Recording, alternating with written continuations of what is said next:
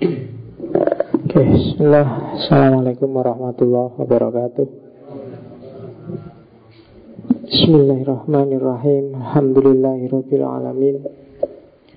Wassalatu wassalamu ala asyrafil anbiya'i wal mursalin Sayyidina wa maulana Muhammadin Wa ala alihi wa ashabihi ajma'in Amma ba'du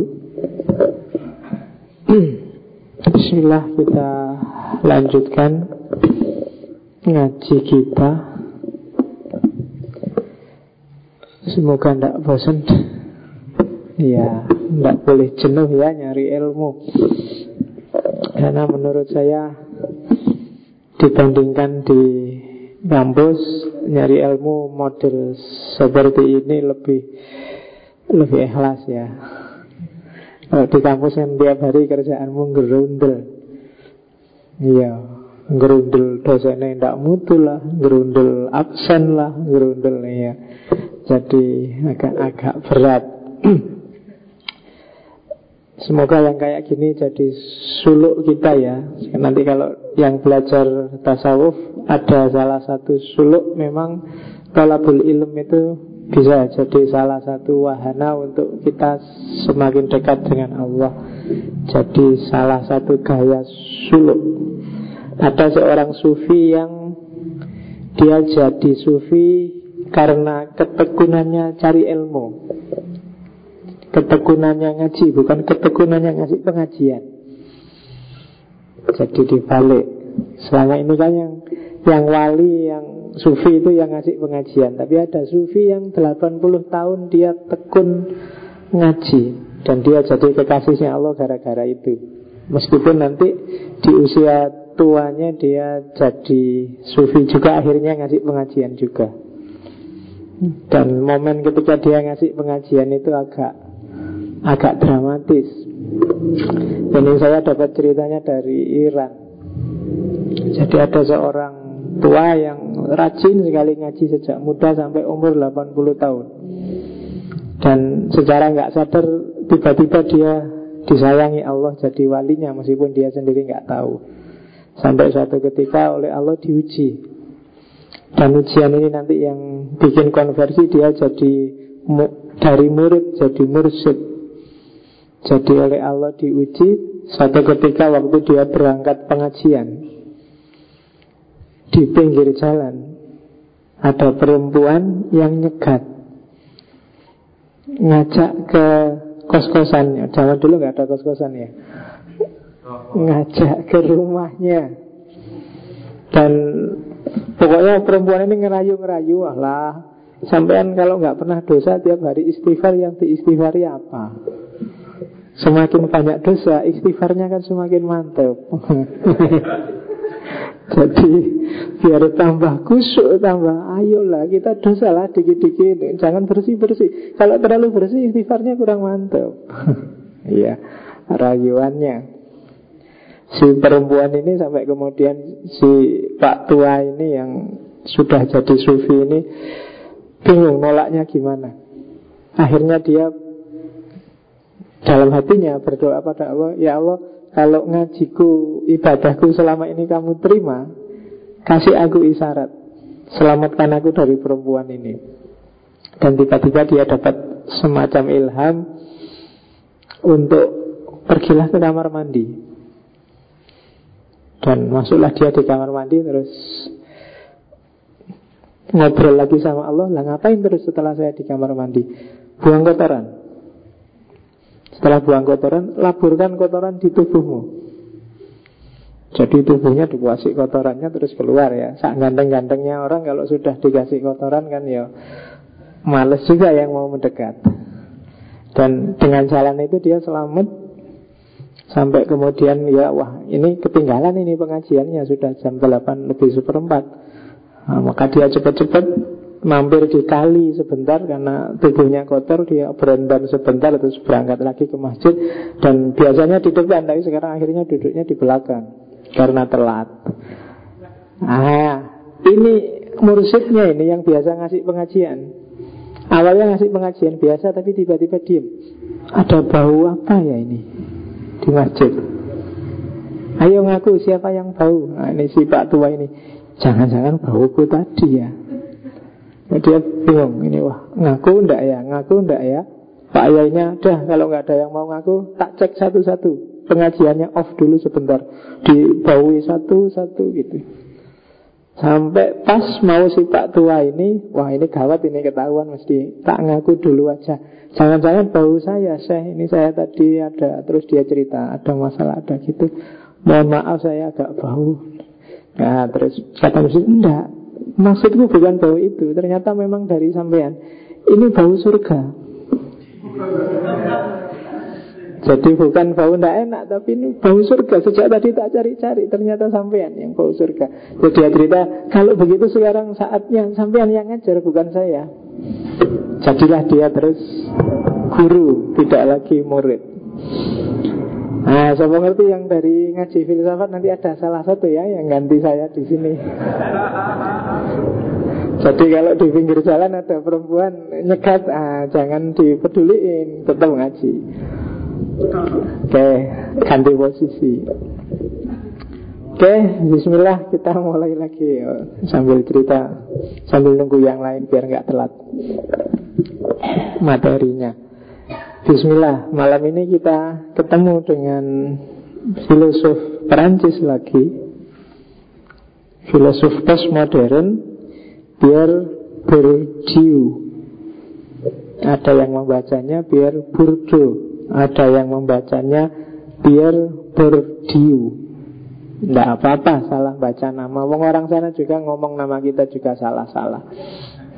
Tidak Jangan takut salah baca nama Yang penting karena kan ya orang itu. Jangan minder. Hanya gara-gara nggak bisa baca nama. Taruhan berapa Pierre Bourdieu ini Kalau baca namaku juga mesti keliru. Iya.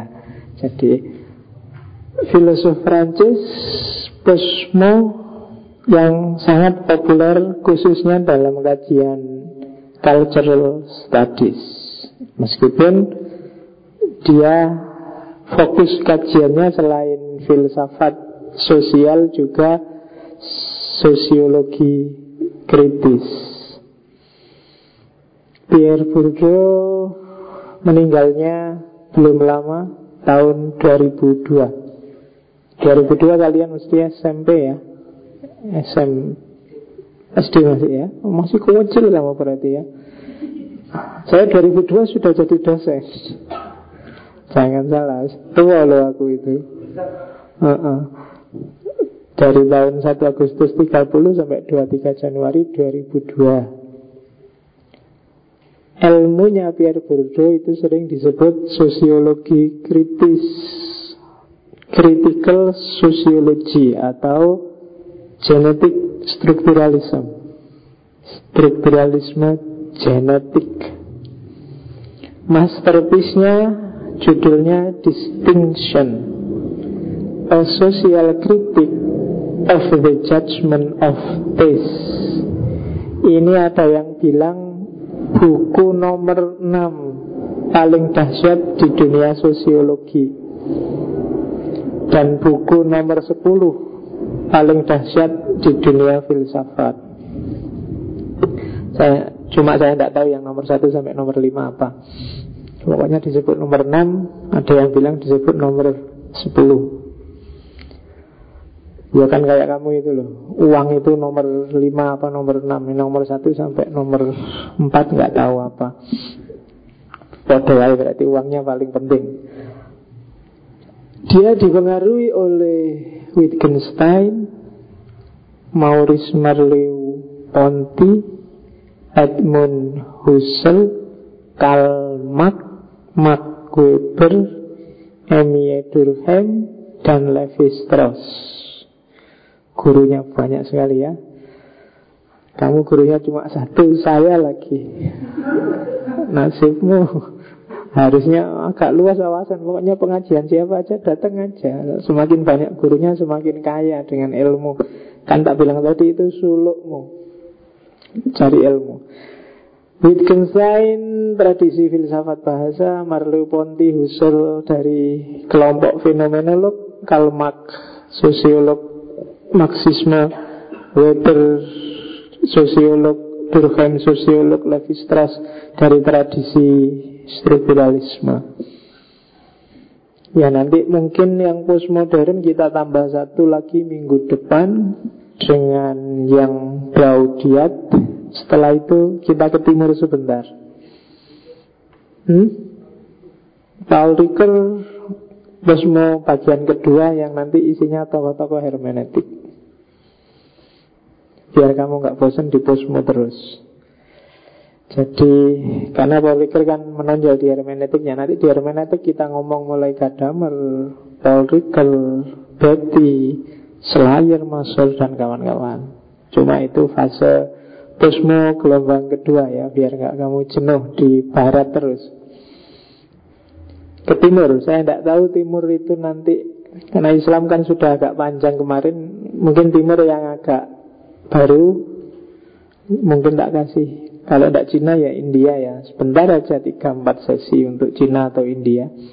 Setelah itu balik ke barat lagi dengan hermeneutik. Setelah hermeneutik fase kedua Kita kembali ke Islam. Karena nanti hermeneutik ini banyak sekali mempengaruhi Tokoh-tokoh intelektual muslim kontemporer. Harus ngerti hermeneutik dulu Baru kembali ke Islam setelah itu mungkin kembali ke barat lagi Kita pilih tradisi-tradisi tertentu. Mungkin filsafat bahasa Atau filsafat agama Atau filsafat apa Pokoknya nanti tematik seperti itu. Dan polanya nanti gitu Kembali lagi ke timur lagi. Entah timurnya India apa Cina apa Jawa apa apa nanti Balik lagi ke barat Balik lagi ke timur Termasuk Islam dan seterusnya. Biar nggak jenuh. Nggak tahu kamu jenuh apa enggak Yang jelas saya yang mesti agak jenuh kalau ngomong posmo terus itu ngomong subjektif terus. Itu saya takutnya menurutmu terus yang benar itu hanya yang subjektif yang ala posmo maka harus ada selang-seling biar wawasanmu banyak dan kaya. Oke. Selesainya kapan? Jangan ditanya. Pokoknya nggak ada selesainya selama aku mau kamu mau dan Allah mengizinkan kita akan tetap jalan. Kan gitu prinsipnya. Kayak pacaran itulah aku mau kamu mau Allah mengizinkan. Nah aku mau kamu mau Allah nggak mengizinkan juga kan nggak nyambung. Jadi rumusnya cuma tiga. Oke kita lihat apa sih yang diomongkan si Pierre Bourdieu ini. Biografinya lurus-lurus saja nggak ada yang aneh. Istrinya satu anaknya tiga. Pierre Bourdieu waktu dia masih muda seumuran kalian itu sebenarnya dia punya kelemahan. Kelemahannya adalah tidak bisa ngomong jelas. Jadi kalau disuruh ke depan presentasi kalau ngomong bulat temannya juga bingung. Kemudian apalagi ya tapi dia dia orang lurus. Pernah juga ikut wajib militer di Aljazair. Meskipun nanti balik lagi jadi filosof dia dikagumi oleh teman-temannya waktu kuliah karena kecerdasannya. Seorang Pierre Bourdieu, filosof yang membahas teori tapi sangat membumi itu Pierre Bourdieu. Jadi teori-teori sosial tapi nanti kamu lihat kelihatannya istilah-istilahnya agak sangat ilmiah, sangat filosofis Tapi begitu dijelaskan akan kelihatan bahwa Sebenarnya dia sedang ngomong hidup kita sehari-hari. Tidak suudon kayak Foucault kemarin Dan tidak radikal kayak Derrida. Tapi menurut saya agak komprehensif Agak sangat nyambung dengan kehidupan kita Itu biar burdu Ya meskipun karena tulisan-tulisannya dalam bahasa Perancis Kemudian diterjemahkan dalam bahasa Inggris Kemudian dibawa ke Indonesia Jadi seolah-olah rumit. Padahal enggak. Pikiran-pikirannya agak simpel sebenarnya. Oke kita lihat. Yang diomongkan oleh Pierre Bourdieu Pada intinya adalah Praksis sosial Praksis mungkin tidak sama ya dengan makanya disebut praksis bukan praktis. Karena kalau praktis itu kalau di Indonesia konotasinya beda. Kalau praktis itu kan Gampang-gampangan apa kan gitu praktis. Praktisnya aja. Kalau praksis itu implementasi dari teori. Lebih dekat ke praktek. Tapi kadang-kadang praktek itu tidak ada teorinya. Tapi kalau praksis itu pasti ada teorinya. Perilaku sosial sama. Itu praksis namanya. Nah, katanya Burdo, praksis sosial itu dialektika antara internalisasi eksterior dan eksternalisasi interior. Oh ini istilah-istilah yang jelimet kayak gini koyok luar biasa tapi kalau dijelaskan nanti ya sederhana. Internalisasi eksterior itu ketika seseorang menyerap, menginternalisasi dunia di sekelilingnya. Itu namanya internalisasi eksterior. Kalau eksternalisasi interior itu ketika seseorang mengungkapkan hasil pemahamannya, hasil resepsinya tadi, hasil serapannya baik dalam perilaku, dalam perbuatan, dalam interaksi dengan orang lain. Itu namanya eksternalisasi interior. Dari luar diserap ke dalam, dari dalam diekspresikan keluar.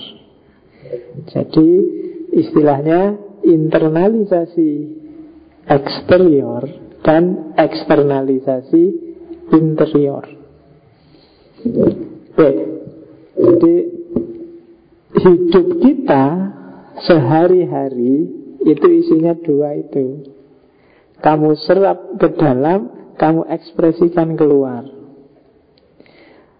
Eh, ngaji hari ini kok dingin ya. Itu kan kamu serap ke dalam. Terus kamu ekspresikan keluar. Dingin-dingin ini enaknya minum teh hangat. Nah itu ekspresi keluar. Jadilah praksis minum teh. Kamu ujian. Begitu baca soal, hmm, soalnya koyong ini susah mesti jawabnya. Dengan kamu internalisasi Kamu cari-cari dalam dirimu nggak ada jawabannya Referensi sejak tadi nggak ada Terus akhirnya eksternalisasinya apa? Terus pokoknya diawur oleh ijtihad Ijtihad itu kan kalau salah pahalanya satu Kalau benar pahalanya dua Jadi nggak mungkin salah lah ijtihad nah, Itu eksternalisasi Nah Apa sih yang membentuk dunia dalammu Yang tadi melakukan internalisasi dan eksternalisasi Yang membentuk namanya habitus Sementara dunia luar kita yang diinternalisasi dan jadi sasaran eksternalisasi itu namanya arena. Nanti dijelasin satu-satu apa habitus, apa arena. Jadi ini ini dialog selalu. Kita hidup dalam arena dan kita punya habitus. Kita menyerap dari luar, kita ekspresikan keluar. Nah, dialektika ini, kenapa sih kok yang diserap sama, ekspresinya bisa beda-beda? Yang membedakan itu apa? Yang bisa bikin beda itu apa? Itu namanya kapital modal. Gitu Jadi kita punya habitus, kita hidup dalam arena, yang kita lakukan dalam arena sesuai habitus kita itu ditentukan oleh modal yang kita miliki. Jadi kuncinya itu nanti kita lihat satu-satu ya. Habitus itu apa sih? Habitus itu nilai-nilai mode-mode hidup. Habitus itu gaya-gaya ekspresi habitus itu benar salah pantas nggak pantas baik buruk indah dan tidak indah yang kita serap dari sekeliling kita. Jadi habitus inilah nanti yang jadi world view kita. Habitus inilah nanti yang jadi perspektif kacamata kita. Habitus inilah nanti yang jadi gaya hidup kita. Di ruangan ini Coba lihat. Kan semuanya nggak pakai kopiah kan? Coba dicek rambutnya satu-satu Beda-beda kan cara nyukuri. Meskipun jenis rambutnya sama Tapi gaya sisirannya aja bisa beda-beda. Kamu kalau belum sisiran kayak gitu Merasa belum seret. Itu contoh kecil jenis habitus. Ya kan? Kadang-kadang ada rambutnya jatuh ke depan satu aja Uh malah jangan sampai jatuh. Sementara yang lain Malah diusuk-usuk biar ruwet biar itu ada yang gitu. Kenapa? Itu namanya habitus. Ada yang kalau kelimis itu malu ada yang kelimis itu harus. Itu habitus namanya. Sholat itu awalnya kewajiban Diperintahkan padamu. Dan kamu anggap dia benar Kamu jalankan. Lama-lama dia membentuk habit Jadi habitus. Itu yang bikin kamu Nggak enak ya kalau sholat. Padahal nggak apa-apa kan sholat dalam tanda petik loh ya. Allah nggak datang terus mukuli kamu kan? Nggak. Tapi kan kamu merasa nggak enak belum sholat isya ini pak. Ngajinya agak awal. Sekarang isaknya kan agak malam pak. Kenapa bisa begitu? Habitus. Dalam dirimu sudah sudah terpola itu. Makanya orang yang biasa jujur Habitusnya jujur. Begitu dia tidak jujur Begitu dia bohong Gak enaknya kan luar biasa. Gak enak ya masa bohong? Tapi Begitu kamu bolak-balik bohong Lama-lama akan terpola dalam dirimu Terinternalisasi dalam dirimu. Habitus kebohongan Kalau habitusnya sudah habitus bohong Kalau nggak bohong nggak enak. Ya kan? Bohong jadi biasa aja pak. Bohong. Yang lain juga bohong tidak apa-apa. Ini habitus. Ini nanti ada hubungannya dengan pendidikan. Dunia sekelilingmu itulah yang membentuk kamu. Kadang-kadang ada dosen geruneng Mahasiswa itu ngeritik dosen nih Mahasiswa yuk podo teman-teman. Kenapa sih kok mahasiswanya sama aja dengan dosennya yang dia kritik? Karena dia menginternalisasi lingkungan sekelilingnya. Dan jadilah itu habitus. Jadi pola hidup, pattern, worldview. Dan ini sifatnya habit itu sebenarnya main Ada di pikiran Meskipun main yang nyetir fisik. Benar salah, baik buruk, pantas dan tidak pantas Itu kan pikiran sebenarnya. Tapi kan ini pikiran yang nyetir fisik. Itu pikiran yang nyetir fisik itu kan nanti kalau di filsafat namanya heksis. Jadi heksis sama habitus itu sebenarnya konsep yang sama Kalau heksis dari Aristoteles dan kawan-kawan Di era klasik Sejumlah orang ini yang malam ini hadir itu masing-masing pasti punya habitus sendiri-sendiri. Sesuai cara hidupnya masing-masing. Sesuai nilai yang dia hayati selama ini. Itu habitus Kenapa sih susah sekali kamu dari ngerokok menjadi tidak ngerokok Karena sudah jadi habitus untuk mengubah biar kamu nggak ngerokok itu perlu perjuangan berat karena habitus ini kayak jajan sudah sudah dicetak, sudah ada cetakannya. Kayak mesin cetak sudah ada platnya itu loh. Itu kan mau nggak mau harus ganti plat. Jadi habitus. Kenapa sih kok apa ya? Misalnya kamu pacaran lama terus putus, itu sembuhnya lama. Kenapa? Karena pacarmu jadi habitus. Dia jadi pola dalam hidupmu Dia jadi pattern Maka Ustadz-ustadz kita dulu kan selalu ngasih Biasakan dengan hal yang baik-baik Meskipun kecil Istiqomahlah kenapa? Biar jadi habitus Biar nggak anget-anget ayam Tahajud Ya seminggu sekali lah Dua rakaat nggak apa-apa kan gitu yang penting rutin ini apa? Membentuk habitus, membangun habitus, gaya hidup, kebiasaan. Kalau cita-citamu ingin jadi dosen, akademisi, ilmuwan, ya bangun habitus misalnya suka membaca, seneng nulis. Kalau enggak berat nanti karena habitus baca dan nulis itu dibutuhkan di dunia akademik. Kalau kamu cita-citanya jadi montir, ya senenglah sama bengkel.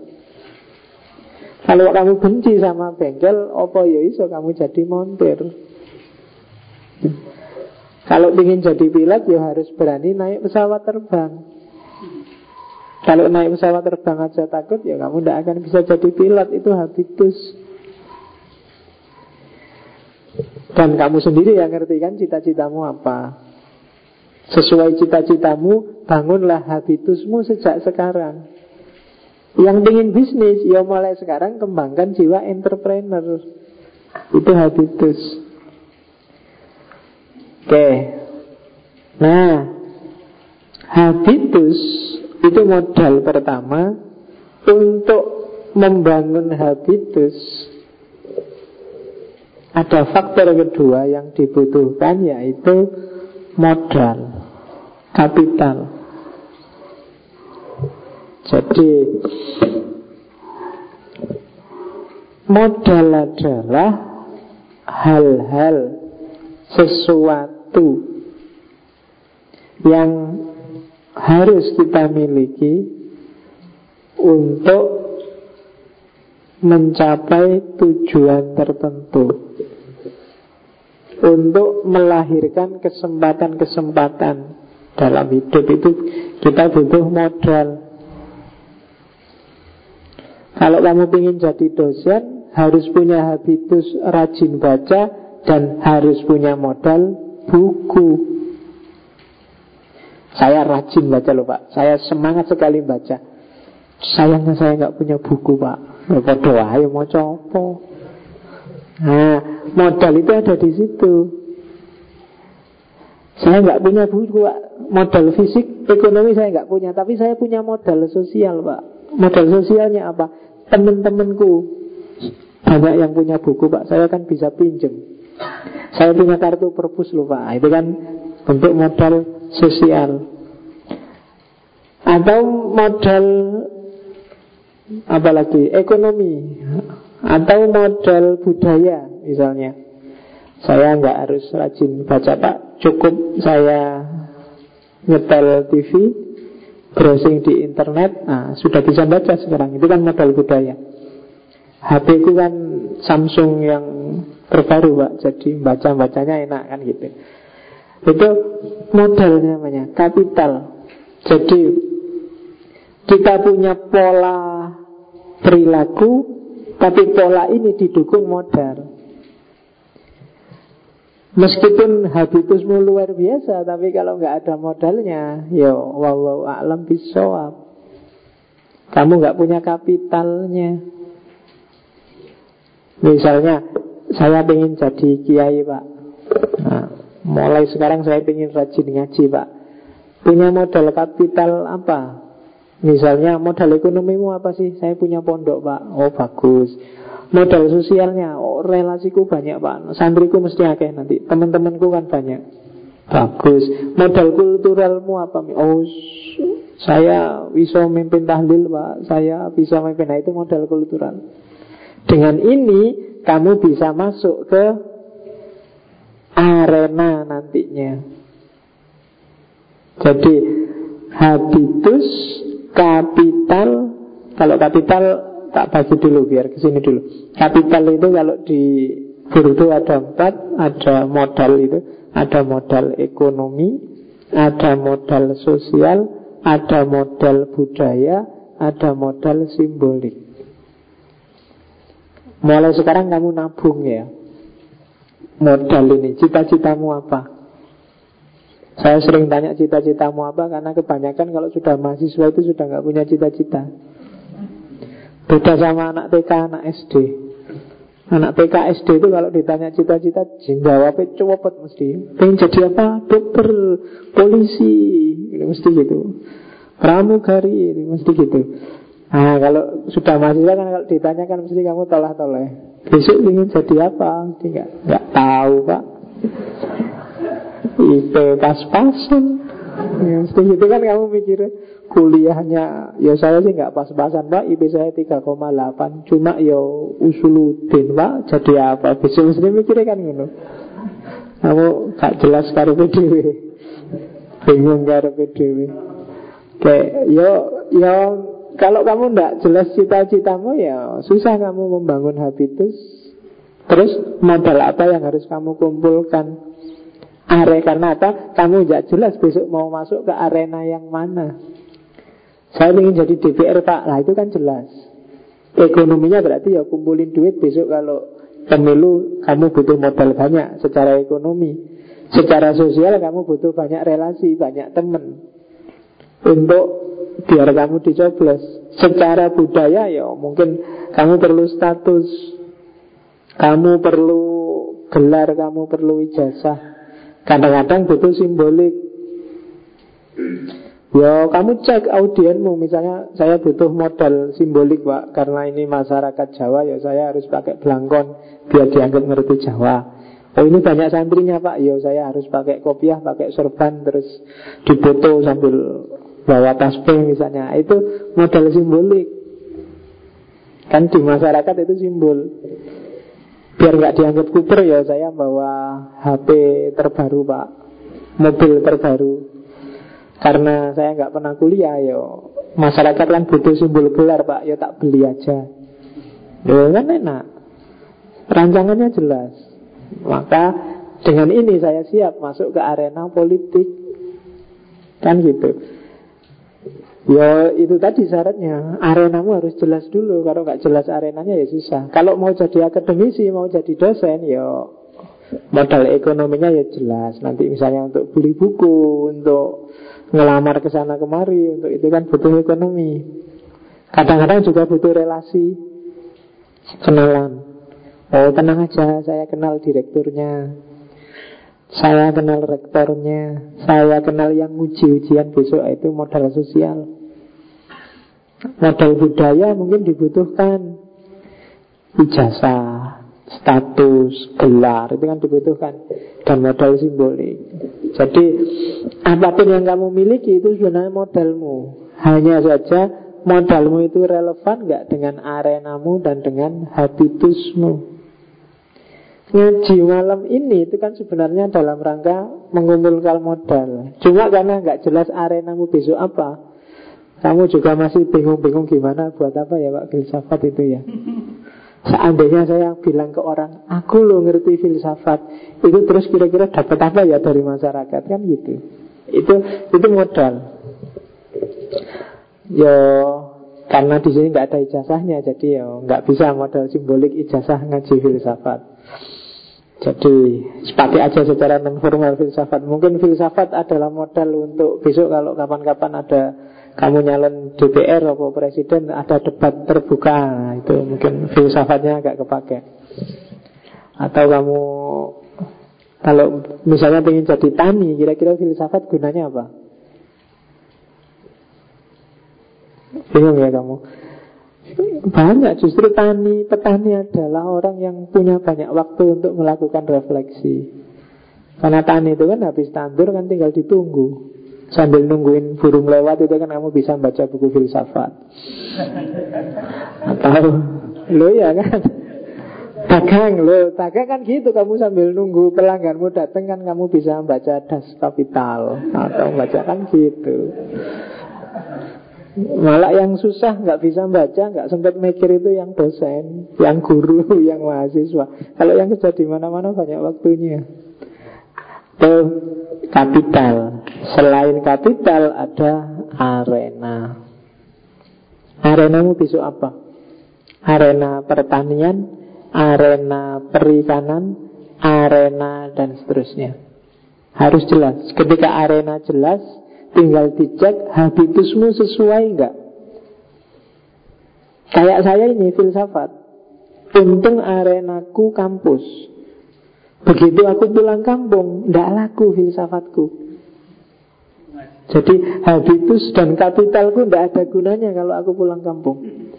Karena di kampung arenanya sudah beda. Ya kan Aku ndak ada apa-apanya sama Pak Yaiku yang tiap hari dalile wal asri terus. Tapi dia di sana laku. Kenapa? Karena habitus dan kapitalnya pas sesuai masyarakat sana. Sementara begitu aku pulang kampung nengono ya paling tolak tolak. Tidak mungkin kan aku neng kampung terus ceramah tentang Edmund Husserl apa Hegel apa kan. Jadi arenanya tidak sesuai. Meskipun luar biasa, habitusnya hebat. Itu sama kan kayak kamu pulang kampung di sana nggak ada listrik. Meskipun kamu punya modal uang banyak, mau beli kulkas, beli mesin cuci, tapi nggak ada gunanya, nggak nyambung. Listriknya belum ada. Bukan kayak saya ada cerita kalau petani-petani Mbako di pelosok di Temanggung itu yang pas dulu belum ada listrik Begitu panen mbako duitnya berlimpah ruah bingung. Akhirnya beli kulkas hanya untuk naruh baju. Jadi bajunya ditaruh di kulkas terus Jadi kaya mendadak dan begitu waktunya nanam mbako lagi butuh uang lagi dijual lagi semuanya. Nanti panen lagi beli lagi. Nah, itu arena mbako Nah, jadi arena adalah ruang-ruang yang ada di dalam masyarakat. Arena ngaji filsafat mungkin beda loh dengan arena ngaji tasawuf, arena ngaji hikam, arena ngaji kejawen. Modal dan habitusnya mungkin juga yang diperlukan beda. Kalau ngaji tasawuf ya modalnya kan ngaji filsafat kamu cengengesan, celelean, celananan suwek-suwek ya rapopo lah ngaji filsafat. Cuma nek ngaji tasawuf, Kiai Imron ya ketunan lah sedikit-sedikit kan. Kenapa?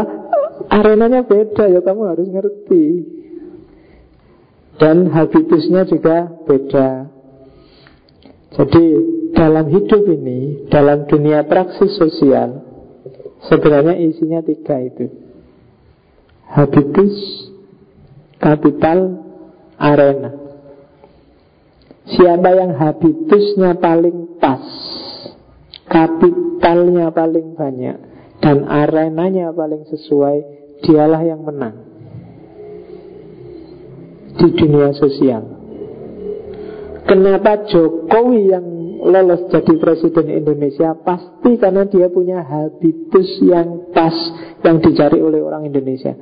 Uh, nyari presiden kayak gini aja deh. Selama ini kita nyari presiden ningrat semua bangsawan semua. Sekali-sekali dari orang biasa, dari pedagang mebel misalnya. Dan dia hadir dengan habitus yang pas. Kapitalnya juga pas. Dia punya modal, dia punya hal-hal yang dicari orang. Dan dia terjun di arena yang pas Dia jadilah presiden Se Sementara mungkin ini analisis awur-awuran. Prabowo yang dari kalangan ningrat Keluarga elit Nah itu orang Indonesia sudah nggak terlalu tertarik. Us bolak-balik dihapusi orang-orang ningrat. Soeharto, Soekarno itu kan bangsawan semua.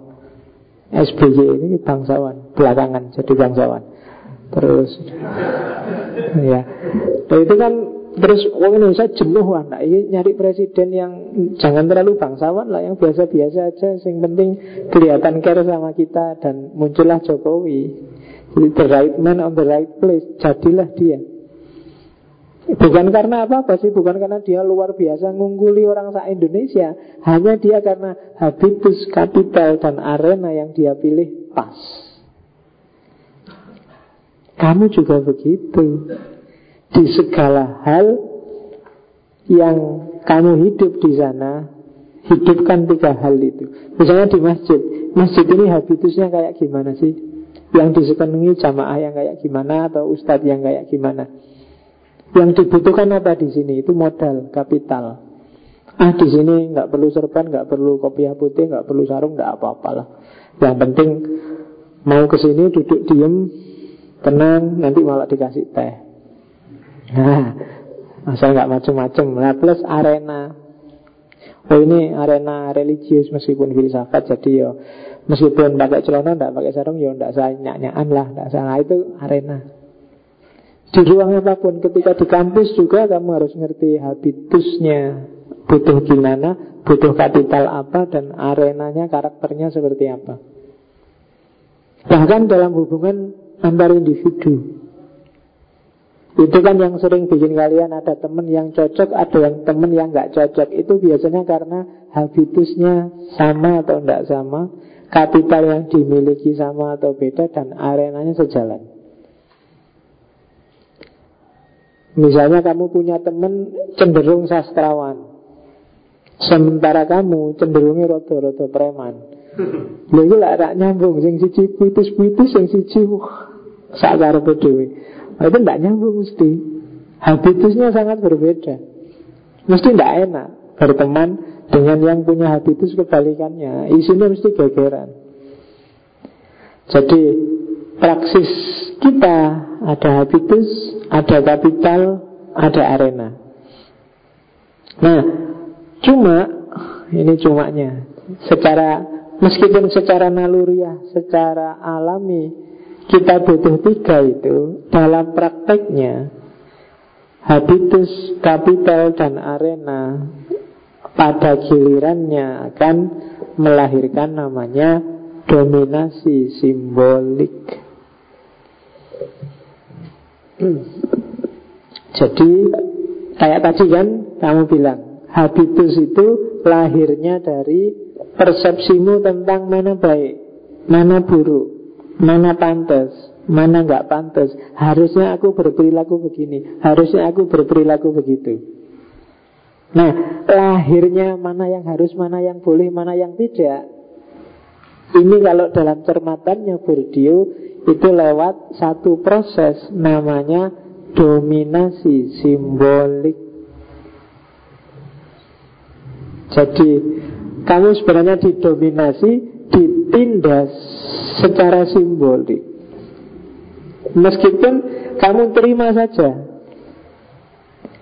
entah kamu sadar apa enggak sadar. Kayak tadi loh, misalnya kamu saya bilang bahwa meskipun ini masjid pakai celana nggak apa-apa kok. Itu kan kamu nggak sadar bahwa kamu tak dominasi wah harusnya nang masjid itu pakai sarung. Ada meskipunnya nggak apa-apa itu kan seolah-olah ya wis lah kamu tak maklumilah wong ngaji filsafat. Itu kan di balik itu ada ideologi bahwa harusnya nang masjid itu ya sarungan, ketonan, pakai jubah, pakai serban kan gitu.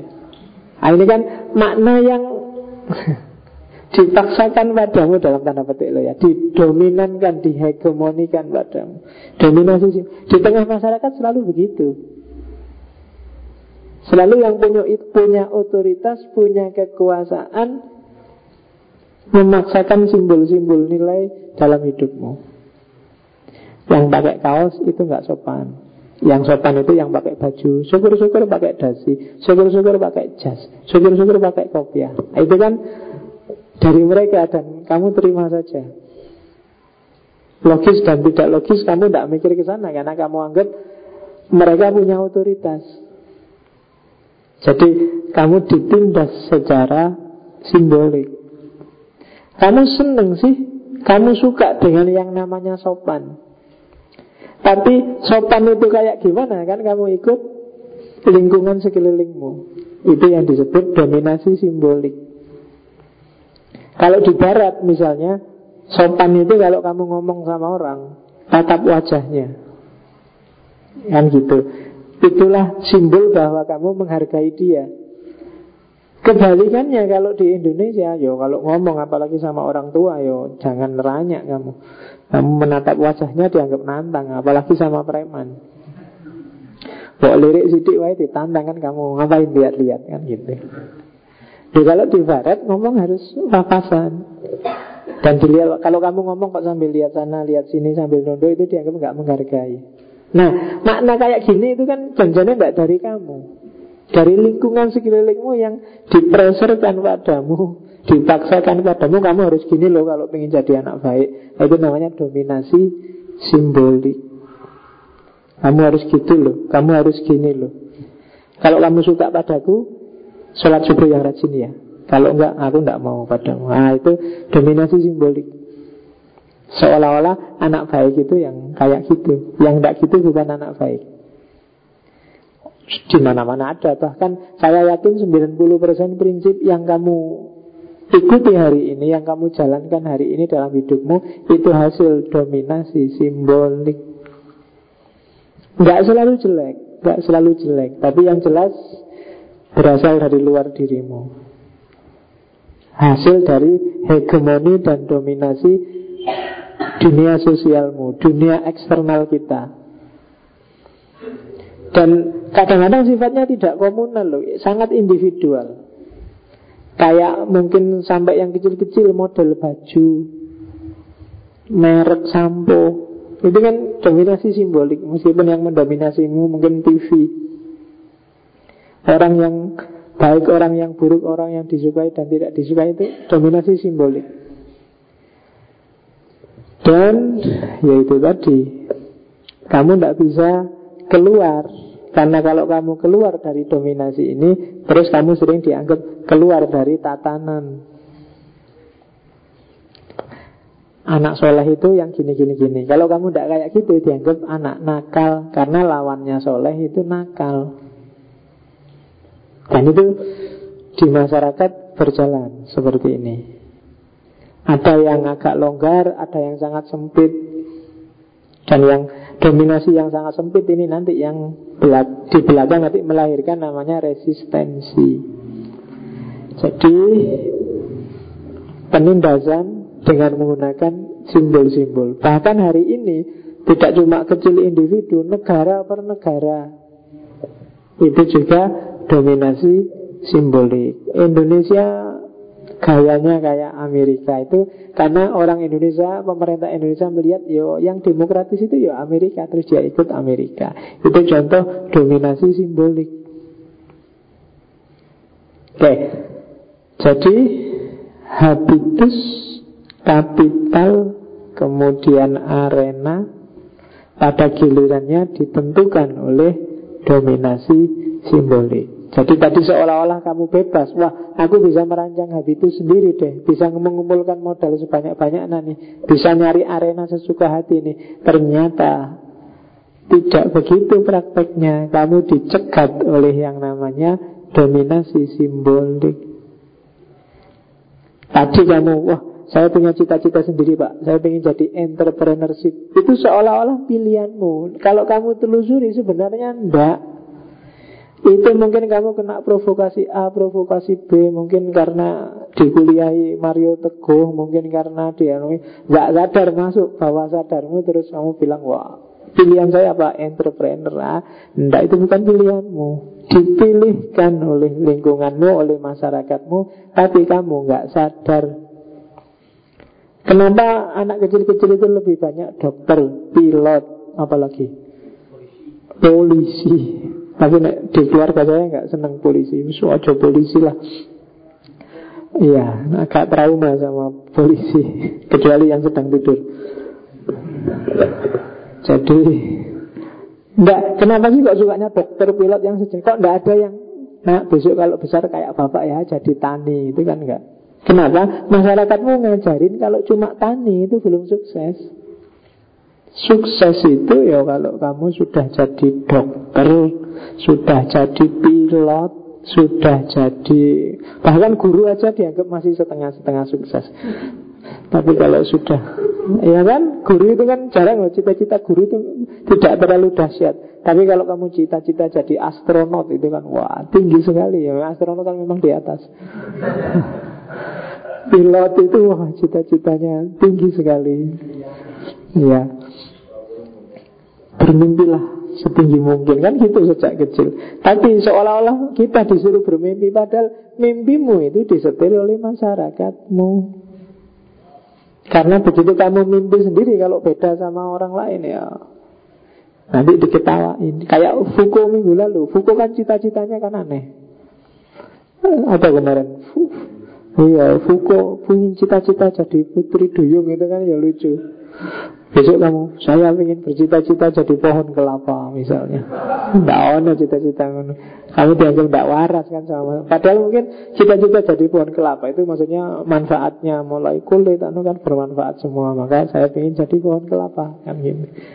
Saya ingin cita-cita jadi pohon beringin pak Wah itu kan cita-cita Tapi ya tidak unsur kan cita-cita kayak gitu Cita-cita itu ya dokter Kiai apa Yang gitu-gitulah Polisi, tentara gitu kan Oke Itu seolah-olah pilihanmu Tapi sebenarnya Dipressure oleh lingkungan sekelilingmu Hasil dominasi simbolik Nah dominasi simbolik itu pada puncaknya melahirkan doksa. Bukan dosa lo ya. Ada beda. Kalau dosa itu kan dosa. Kalau doksa itu doksa adalah pandangan orang yang punya kuasa pandangan ketua, pandangan pimpinan, pandangan orang yang punya otoritas yang dianggap benar oleh seluruh masyarakatnya itu doksa. Pancasila misalnya, itu kan dulu kita tidak ikut-ikut merumuskan. Kita tidak ikut bikin undang-undang dasar 45. Tapi dirumuskan oleh beberapa orang dan pokoknya diklaim aja semua masyarakat Indonesia pasti setuju Pancasila dan Undang-Undang Dasar 45. Itu namanya doksa. Jadi sifatnya dia tidak dikritisi detail. Pokoknya itu karena dari pimpinan, dari yang punya otoritas pasti benar.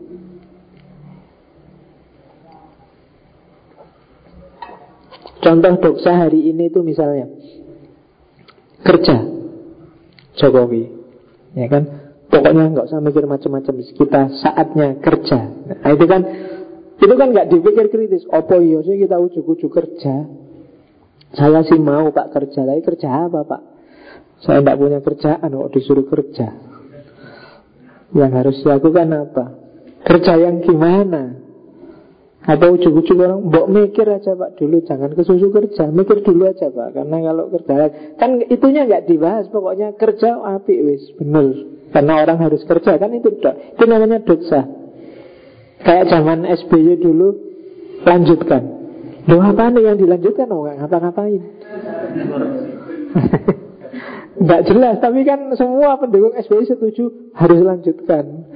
Loh nggak jelas mau ngapain Kok dilanjutkan Ya kan Lebih cepat Lebih baik Loh apa nih yang lebih cepat Lebih baik itu dalam hal apa, tentang apa yang lebih cepat lebih baik Tapi bagi kita wis ape itu Suara rakyat suara. Nah, gitu. apa iyo? Tapi kan itu nggak dibahas. Dianggap yang memang itu yang bagus. Itu namanya doksa. Itu puncak dari dominasi simbolik. Kalau yang tadi dominasi itu kan nggak nggak terlalu disadari. Kayak ini sudah sangat vulgar, sangat eksplisit dan diyakini orang secara terang-terangan itu namanya doksa. Jadi ini biasanya dimanfaatkan oleh para penguasa untuk mempertahankan kekuasaannya. Kayak minggu lalu tak ceritain zaman Umayyah teologi Jabariyah bahwa segalanya berasal dari Allah dan akan kembali ke Allah jadi doksa. Jadi melakukan apa saja, ah ini dari Allah kok. Kadang-kadang agak nakal dikit ya memang takdirnya Allah gini mau gimana. Kan gitu Bukan kayak zaman Umar ada maling Mau dipukuli loh Saya jangan dipukuli Saya maling ini ditakdirkan oleh Allah loh Yang mukuli saya berarti nggak ridho sama takdirnya Allah Saya jadi maling Iya kan?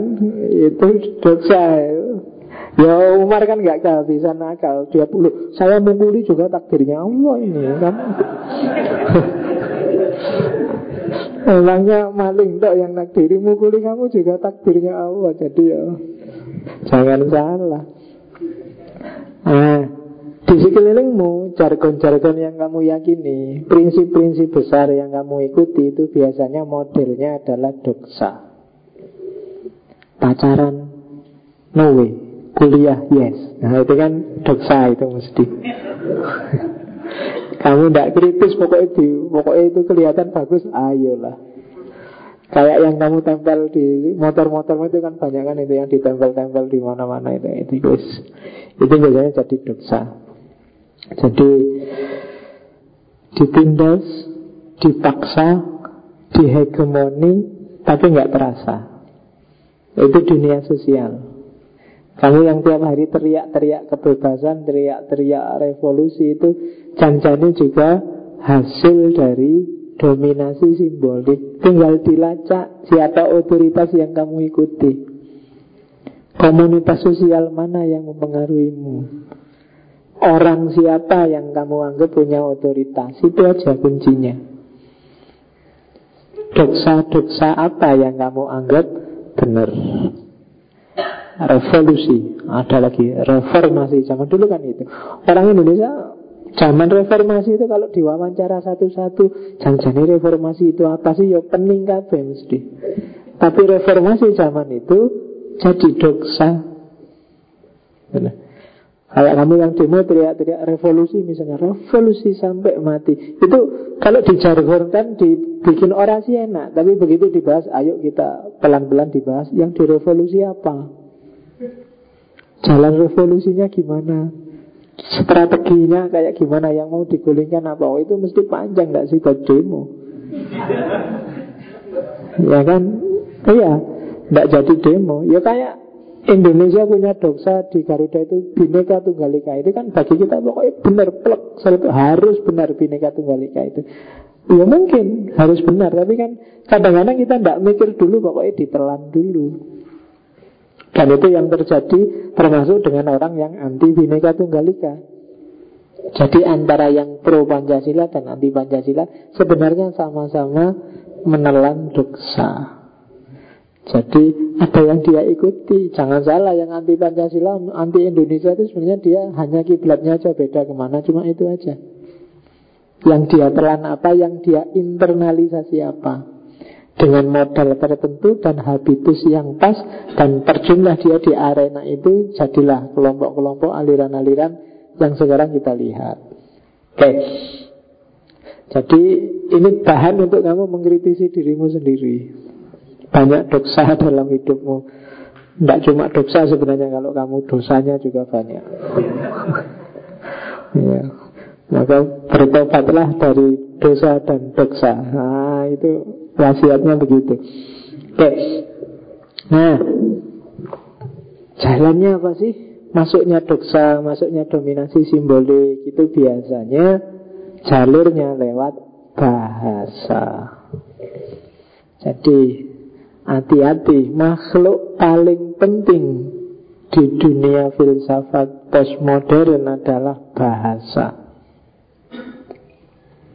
Tidak ada satu filosof pun yang tidak ngomong tentang bahasa.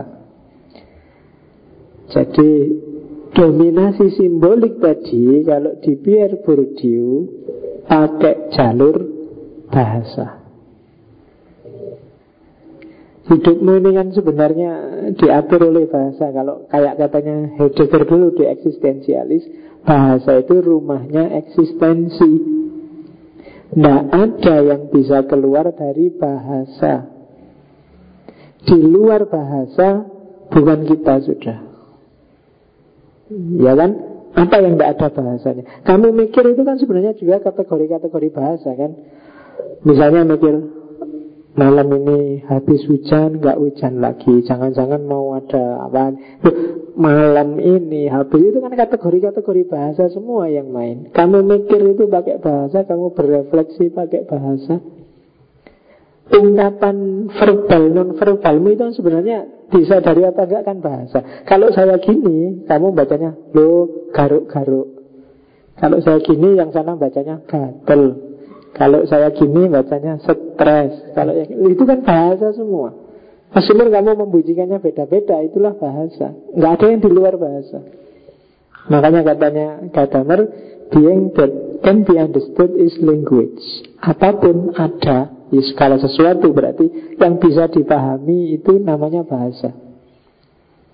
Nah kalau yang nggak bisa dipahami pak, hmm, berarti bukan bahasa dan dia bukan sesuatu. Kalau yang nggak bisa dipahami bukan sesuatu. Loh banyak kan yang nggak bisa dipahami? Misalnya cinta. Loh kamu bisa nyebut cinta kan ada bahasanya berarti. Ya kan? Rindu lo kan ada bahasanya. Enak itu kan nggak bisa dijelaskan. Ya tapi kamu ngomong enak itu kan ada istilah Untuk menyebut fakta Untuk menyebut fenomena. Ada bahasanya. Yang nggak ada bahasanya itu yang Apa ya yang nggak ada bahasanya? Nggak ada. Kalau ada pertanyaan Sebutkan satu saja Yang nggak ada bahasanya Itu kamu sampai Besok kiamat kurang dua hari nggak akan ketemu jawabannya Loh, iya kan? Lah sebutkan yang tidak ada bahasanya karena begitu kamu nyebut itu kan ada bahasanya. Gitu loh. Yang tidak ada bahasanya ya tidak bisa disebut. Karena kalau kamu sebutkan dia ada bahasanya.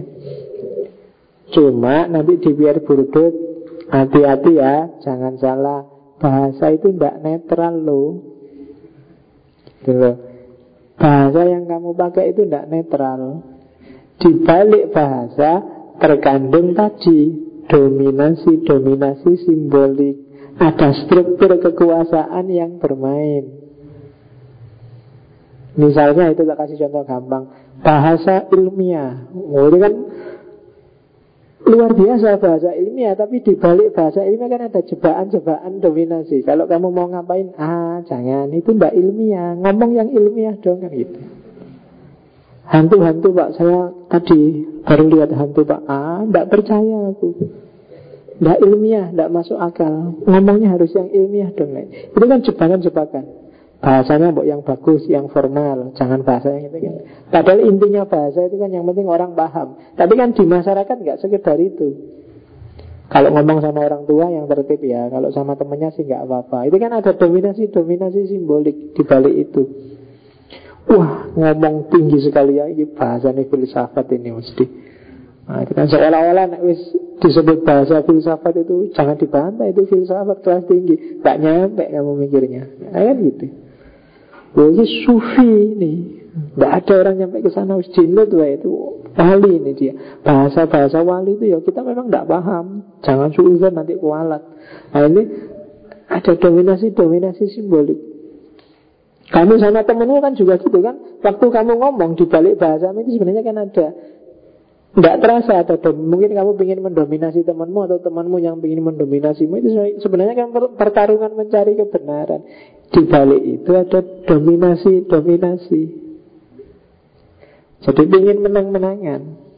Kadang-kadang kan kalau kamu ngomong sama temanmu kan sini ngomong apa, sini ngomong itu kan ingin salah satu menang atau dua-duanya sebenarnya ingin menang. Hanya yang kapital habitus dan arenanya lebih canggih dia yang menang.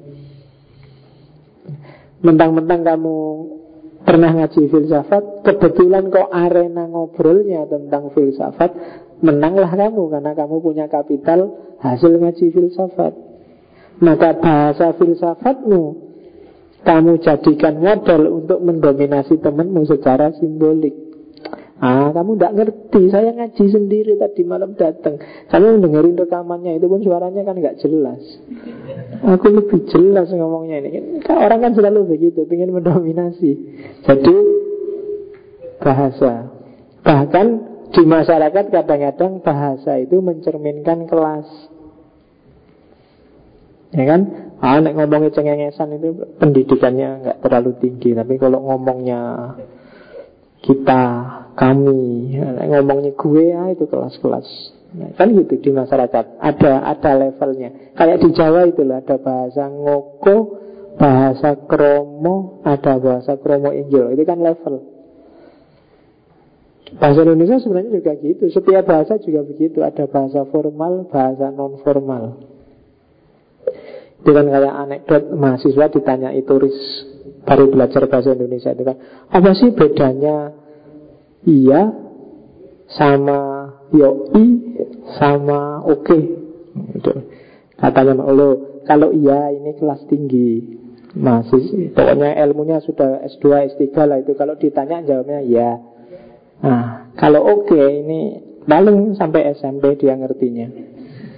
Nggak terlalu tinggi karena nggak terlalu sopan. Kalau yo iya ini nggak pernah sekolah orangnya gitu.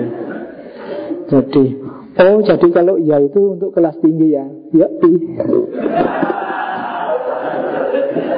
Oke, jawabannya berarti Berarti mahasiswanya juga tidak pernah sekolah berarti. Oke, nah itu level bahasa namanya. Ada bahasa, bahasa ilmiah, bahasa formal. Jadi bahasa di Pierre Bourdieu jadi jalan untuk mendominasi secara simbolik Nah, ini yang banyak dikutip orang karena di antara pikiran-pikirannya Bourdieu adalah Sociology of Education. Dalam cermatannya Bourdieu, ternyata di tengah masyarakat yang namanya pendidikan itu adalah proses untuk melanggengkan dominasi sosial. Ilmu yang diajarkan di sekolah-sekolah adalah ilmu-ilmu untuk melanggengkan tadi dominasi-dominasi simbolik kebenaran-kebenaran nilai-nilai yang sudah dianggap mapan di tengah masyarakat. Itulah pendidikan. Jadi dunia sosial mereproduksi kebenarannya sendiri melalui pendidikan. Jadi jangan harap dari sini pendidikan formal itu bisa kritis. Kenapa? Karena dia ngomong dirinya sendiri. Dia punya tujuan melanggengkan kebenarannya sendiri. Jarang ada pendidikan di tengah masyarakat yang isinya meruntuhkan kebenarannya sendiri. Hampir semua tujuannya melanggengkan kebenarannya, dominasinya sendiri. Dan karena itu, pendidikan sering-sering jadi alat untuk melanggengkan kelas. Jadi kelas kelas di tengah masyarakat karena nilai-nilai paling tinggi tetap dimiliki oleh kelompok yang punya kuasa makna. Ya biasanya kelas pemerintah, kelas elit, kelas bangsawan Dia kan yang punya makna Maka kebenaran tetap ada di mereka Dan direpro terus menerus Kenapa? Karena mereka inilah yang punya habitus, punya kapital, punya arena Sementara yang tidak punya habitus, tidak punya kapital, tidak punya arena Begitu masuk ke dunia pendidikan yang semacam ini Dia pasti terpental Atau kalah. Kalah posisi sudah. Kapital dimiliki mereka semua Yang punya dominasi simbolik. Arena jadi ajangnya mereka setiap hari. Habitusnya sudah klop dengan yang model gitu ya Jadilah jalan. Sementara yang bawah yang pontang panting Itu kasus kurikulum 2013 yang nggak ngerti apa-apa bingung. Mereka nggak punya kapital. Habitusnya juga belum sesuai. Arenanya juga tergolong baru. Beda sama yang di kelas menengah ke atas, sekolah-sekolah unggulan, sekolah-sekolah yang di Jakarta. Persis kayak UN. Ujian nasional itu untuk sekolah tertentu dahsyat.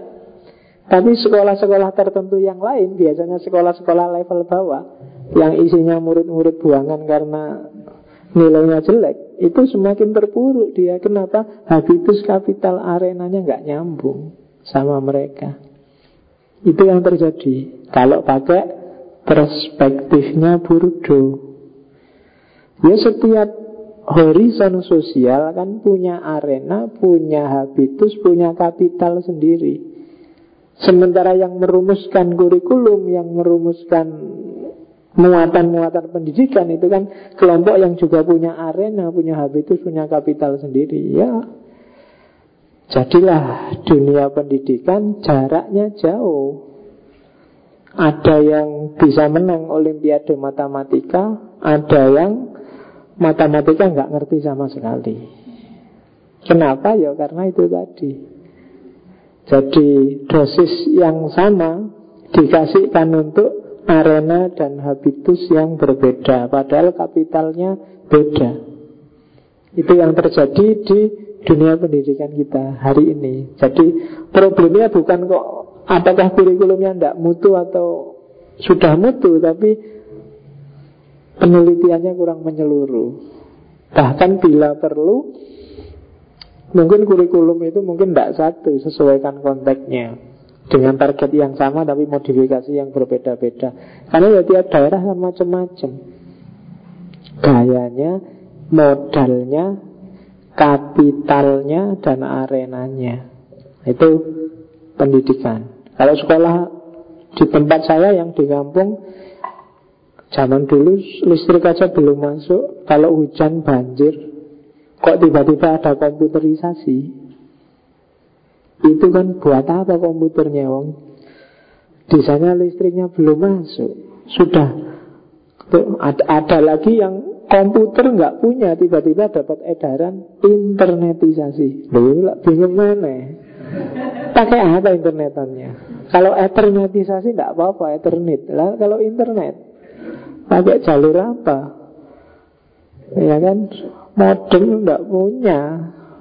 Komputer enggak punya. Disuruh internetan. Ya walau alam bisawab Ya kan? Kenapa? Enggak lihat Enggak melihat modal Enggak lihat kapital Enggak lihat arena. Kenapa yang jalan itu? Untuk melanggengkan dominasi simbolik. Dengan struktur yang sama Kebenarannya selalu direproduksi terus itu yang bikin misalnya kalian lihat Ini ya ada orang sudah kaya Pinter, cakep-cakep. Kenapa? Modal kapital Habitus dan arenanya pas. Sementara tetangganya sudah melarat, jelek, miskin, bodoh. Kenapa? Dia hidup di arena yang salah Dengan modal yang tidak punya dan habitus yang nggak pas. Itu yang bikin kesenjangan Nah itu maka harus ada perubahan sosial. Oke, termasuk pelajaran moral. Bagi Burdo Pelajaran moral itu nggak ada gunanya diceramahkan. Pelajaran moral yang paling dahsyat adalah membangun komunitas sosial yang bermoral. Bukan menceramahkan moralitas Kenapa sekarang pemerintah rusak, rakyatnya juga rusak? Karena orang kan menginternalisasi lingkungan sekelilingnya. Ah lah kok enak pemerintah korupsi Aku kok tidak kebagian Ada kesempatan ya tak korupsi juga gitu. Internalisasi dari sekelilingnya Gurunya males ya jangan salahkan kalau mahasiswanya males Kenapa? Yuk dia menyerap yang dari sekelilingnya ini loh agama Islam ini gimana sih? Tiap hari diceramai perdamaian-perdamaian Kok masih ngamuan Loh komunitasnya tiap hari juga isinya ngamuk? Maka cara berpikirnya juga ngamuk. Jadi pelajaran moral Tidak penting ceramah Tidak penting khutbah Yang penting apa? Bangun struktur Bangun komunitas Bangun arena yang bermoral. Maka otomatis isinya akan melahirkan habitus moral dan akan muncul kapital-kapital moralitas. Selama ini nggak jalan, nggak ada gunanya bikin pelatihan deradikalisasi, bikin pelatihan de kayak gitu kan banyak. Kalau cuma pelatihan nggak bermanfaat. Bangun komunitas yang anti radikalisme, bangun struktur sosial yang anti ngamuk, yang anti itu akan jalan sendiri. Itu kritiknya Burdo Karena dia melihat pelajaran agama itu loh Isinya ceramah terus Tentang moral. Padahal dalam sejarah yang paling banyak bikin tragedi kemanusiaan itu agama. Itu kan gak nyambung. Antara Islam itu rahmatan lil alamin. Tapi yang paling sering jadi berita kerusakan Itu ya Islam Jadi antara yang diceramahkan dengan yang dijalankan beda. Padahal bahasa yang dijalankan itu kalau di Burdo kan berarti praksis. Kalau itu praksis ada hubungannya dengan kapital dan arena. Kalau arenanya tidak mendukung, tidak akan lahir Islam yang rahmatan lil alamin. Kalau kapitalnya nggak cukup juga tidak akan lahir. Tidak akan muncul habitus-habitus yang rahmatan lil alamin. Itu yang sering luput dari perhatian orang. Sekedar diceramahkan Meskipun berbusa-busa pakai jamaah, pakai apa, ndak, ndak akan jalan. Ya kan? Kalau pagi itu kan itu rentetan itu kan ada ada mamah, ada jamaah, ada ya. Oke, kadang-kadang tadi pagi ada pertanyaan yang banyak malah dimarahi. Mama saya mau tanya suami saya itu selingkuh. Salahnya sendiri ibu. Kok sampai suaminya selingkuh itu gimana malah dimarahi Harusnya kan dilayani yang baik istrinya Biar nggak selingkuh ya, Ada orang tanya malah dimarahi ah, Dengan gaya ceramah Dengan gaya kayak gini Akan susah melahirkan Manusia-manusia yang bermoral Akan lebih mudah kalau kita bangun arena yang memungkinkan lahirnya kapital-kapital dan habitus yang bermoral. Mau bermoral gimana tiap hari nonton TV isinya gitu-gitu. Keluar ke jalan isinya gitu-gitu. Masuk ke mall isinya gitu-gitu. Ah, berat ujiannya. Mau bikin bermoral susah. Karena strukturnya tidak mendukung arenanya. Kapitalnya mengarah ke situ semua. Modal yang kamu punya kan arahnya menjauh dari moralitas semua. HP, wah isinya mesti gitu. Ayo HPmu isinya kan paling Kalau nggak hal-hal yang nggak ada gunanya Mesti hal-hal yang Iya. Jadi berat. Kapitalmu buat situ semua ke kampus. Kamu semangat di kampus itu kan kalau pas dosennya nggak datang terus ngobrol bareng teman-teman di depan kelas kan itu aja. Begitu dosennya datang masuk kelas sudah males wis. Strukturnya tidak mendukung baik di kiri maupun di kanan. Maka katanya Burdo, hendaklah pengajaran moral mending dibangun arena yang bagus sehingga lahir habitus yang bagus dengan modal yang bagus. Oke. Okay. Nah, Terus di masyarakat juga hasil dari dominasi simbolik tadi biasanya ada dua hal. Yang pertama distinction, yang kedua resisten. Ini teori kelas. Ini yang tadi bukunya masterpiece-nya Burdo. Dari habitus modal dan arena akan melahirkan kelas sosial tertentu. Ada kelas tinggi, ada kelas rendah. Dalam tanda petik. Nah, kelas tinggi biasanya membedakan dirinya dengan kelas rendah dengan distinction. Jadi distinction itu menunjukkan kelasnya dengan membedakan diri dari kelas yang lebih rendah. Misalnya HP harus merek terbaru. Masa anak gaul kok HP-nya jelek itu kan HPmu itu adalah distinction membedakanmu dari anak-anak lain yang cupu, yang rambutnya klimis, yang HP-nya Nokia botol itu besarnya, yang kayak gitu kan. Itu distinctionmu. Merek motor, kemudian pakaian, itu kan distinction. Caramu membedakan dari kelompok bawah. Kebalikannya, kelas bawah ketika dia ingin membedakan dengan kelas atas itu tidak distinction tapi pakai namanya resisten. Resisten itu ya perlawanan. Yang lain berlomba-lomba pakai motor terbaru, pakai mobil terbaru. Dia lebih suka pakai Vespa jelek itu pun dikelawer-kelaweri dengan sampah-sampah. Itu kan ada yang motor kayak gitu. Nah, itu namanya resisten. Jadi orang-orang waktu saingan motor tiap tahun ganti dia cukup dengan pitung yang lama itu terus malah dikasih sampah-sampah. Kalau jalan kelonang kelonang kelonang. Nah, itu itu namanya resisten. Yang lain pakai rebutan pakai HP terbaru kamu cukup pakai HP lama sudah apa-apa Begitu yang lain jajar Sini Samsung Sini pakai smartphone Sini pakai Kamu pakai merek jadul Sony Ericsson. Nggak ada sekarang ya Sony Ericsson. Nah, Pokoknya gayanya seperti itu Namanya resisten. Yang lain sibuk Kita belajar filsafat kontemporer Hermeneutik Boleh kamu. Enggak ah Saya belajar katolojo aja kejawen. Nah, Itu resisten. Ya kan? Ya saya baru baru baca kitab Gadolojo itu kemarin kan Karena judulnya bagus Filsafat, bukan filsafat Balsafat Gadolojo Gado lucu itu kalau diterjemahkan harafiah adalah alat kelaminnya laki-laki. Oh. Tapi isinya seru. Itu itu resistennya Jawa zaman dulu ketika Islam mulai datang menghegemoni, mendominasi secara simbolik. Dia bikin resistensi Gatoloco, Darmo Gandul itu. Itu strategi membedakan diri dari mayoritas. Jadi yang lain podo pakai jin elit-elit, kamu pakai sarung. Itu resisten namanya. Janjane kelasmu rendah, tapi biar dilihat orang sekalian dibedain. Terus kamu pakai sarung. Karena kalau sama-sama pakai celana nggak ada orang lihat kamu. Yang lain jauh lebih cakep. Nah, kalau kamu pakai sarung, meskipun jelek kan semua lihat kamu. Lu pakai sarung, kan gitu.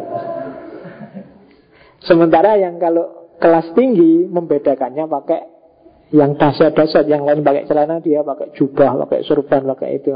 Itu kelas tinggi, namanya distingsi.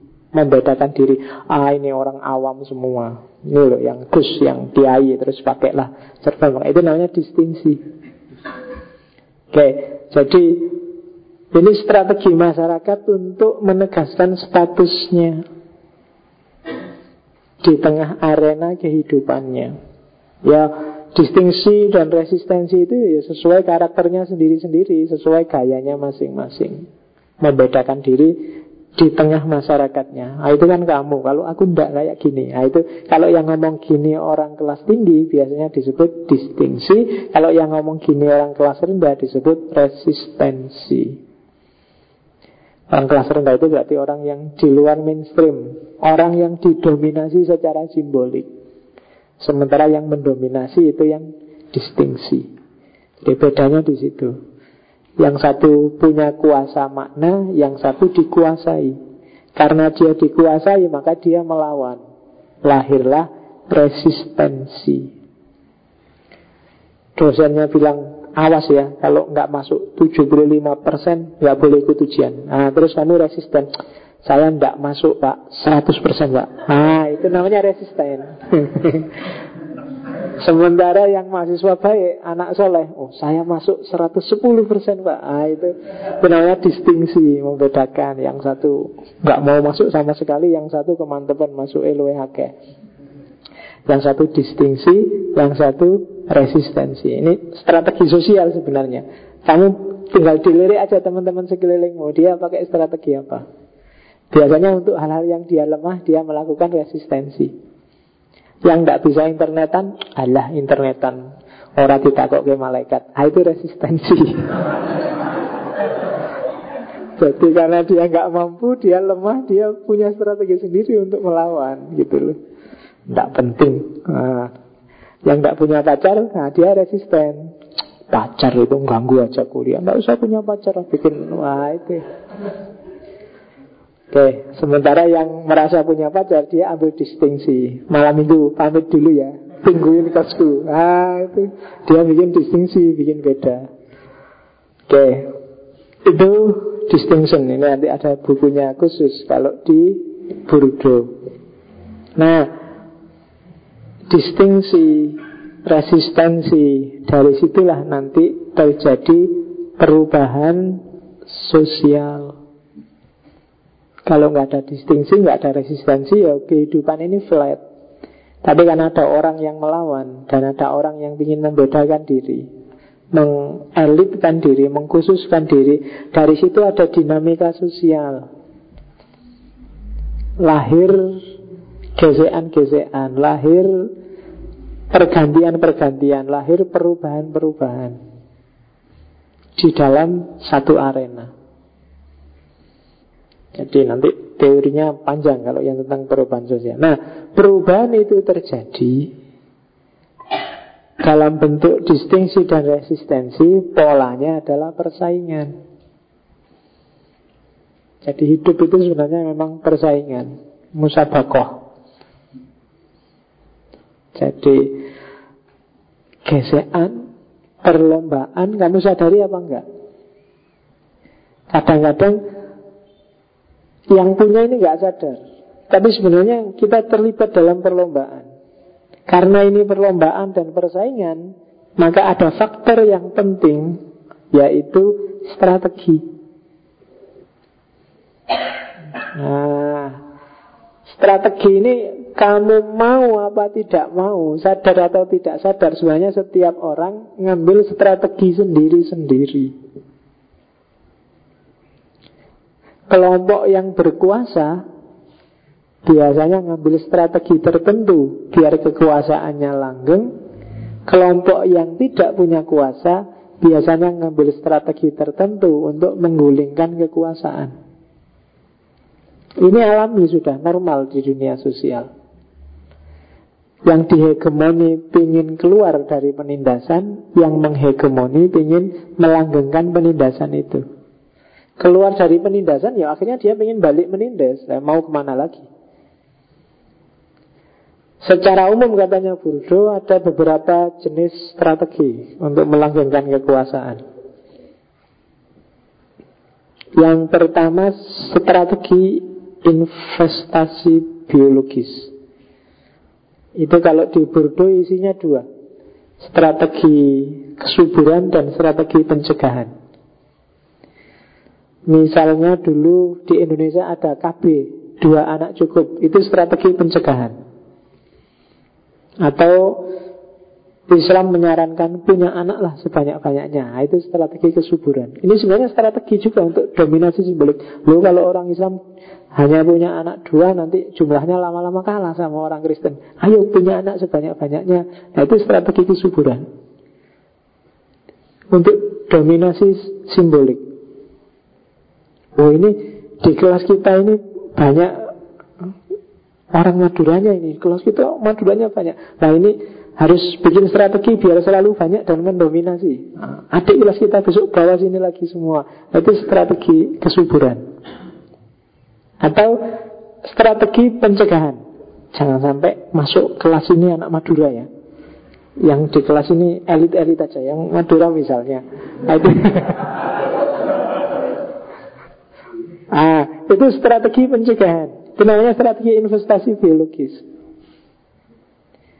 Di negara-negara tertentu Strategi kesuburan yang dijalankan Karena mungkin jumlah penduduknya sedikit Khawatir nanti lama-lama habis Sementara rakyatnya malas punya anak banyak-banyak Jadi sementara di negara yang sudah banyak Masyarakatnya Kalau bisa ya jangan punya anak Seandainya punya anak maksimal dua sajalah Dulu dua anak cukup Sekarang dua anak lebih baik Ya itu sebenarnya sama, sama-sama strategi investasi biologis.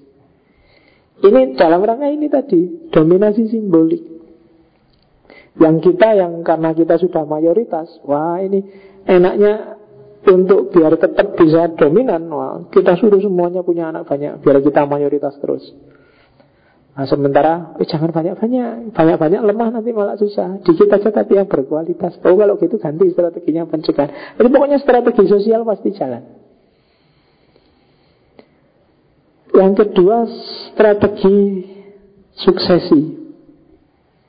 Ini biasanya strategi suksesi ini strategi penghematan demi anak cucu. Atau itu dalam konteks ekonomi kalau dalam konteks budaya, strategi sukses itu gimana caranya anak turunnya bisa mewarisi kapital-kapital budaya yang dimiliki. Kalau dalang ya kalau bisa anaknya juga dalang lah. Kalau guru ya anaknya kalau bisa juga guru lah biar status keluarganya nggak merosot ke bawah misalnya. Jangan sampai bapaknya menteri kok anaknya tani itu kan nggak nyambung. Nah itu perlu strategi suksesi. Maka dulu Pak Harto anaknya disuruh bisnis semua. Ini strategi sukses sih. Kalau nanti nggak jadi presiden kan tetap kaya. Tidak masalah nggak jadi presiden. Nah itu strategi suksesif. Mikir nantinya harus gimana. Itu strategi sosial. Kalian kuliah mungkin mikir kerjaan itu kan sebenarnya mikir besok harus gimana. Besok mau gimana. Itu strategi suksesif. Yang ketiga strategi edukasi. Strategi edukasi ini melahirkan aktor-aktor baru. Mereka yang mendominasi melahirkan aktor-aktor untuk mempertahankan dominasinya. Mereka yang kalah, yang resisten melahirkan aktor-aktor baru untuk melakukan resistensi.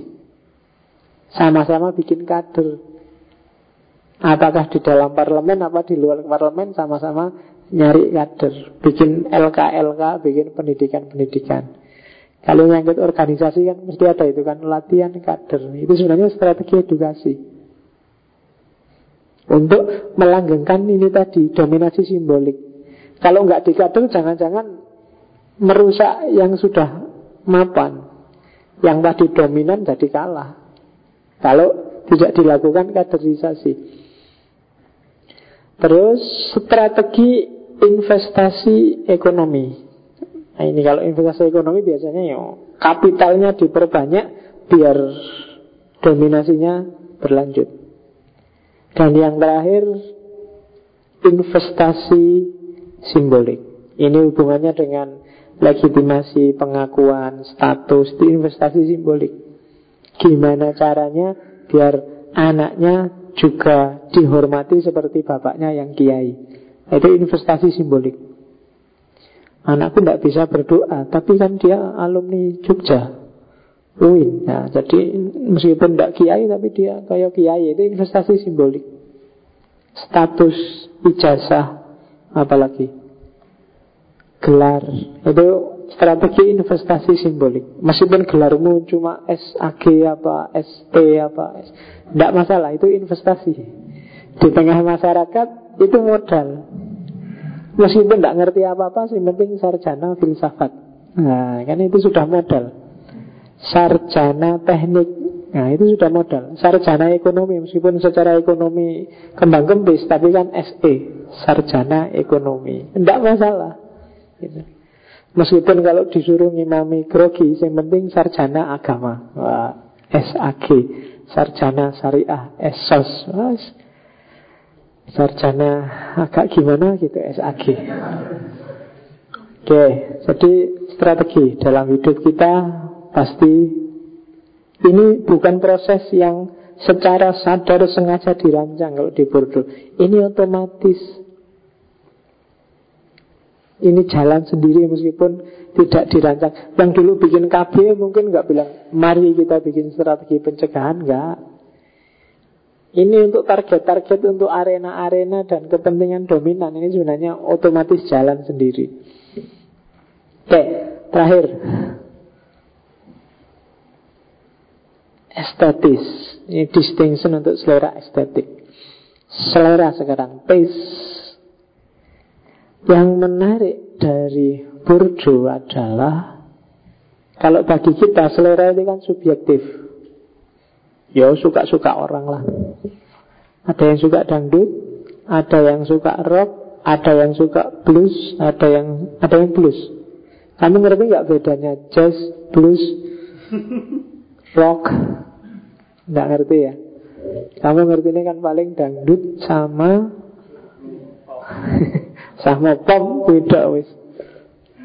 Padahal pop itu sebenarnya bukan genre. Pop itu ngomong tentang Apa ya ke ke pop makanya namanya pop. Pop itu kan kayak gelembung itu. Pop. Jadi nggak ada lagu pop yang long lasting. Jadi di jangka waktu tertentu mesti bosan kamu mendengarnya.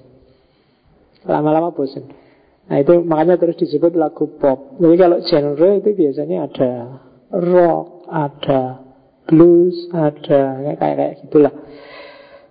Oke nah ada yang suka dangdut di sini? Yo kelihatan lah wajahnya Itu kalau katanya Burdo bukan urusan mana lebih enak, mana tidak enak, tapi urusan internalisasi tadi. Yang bikin kamu suka dangdut itu masyarakat, bukan itu kan kemauan subjektif saya Pak, enggak. Atau ini kan objektif Pak, memang bagus, enggak. Masyarakatmu yang bikin itu.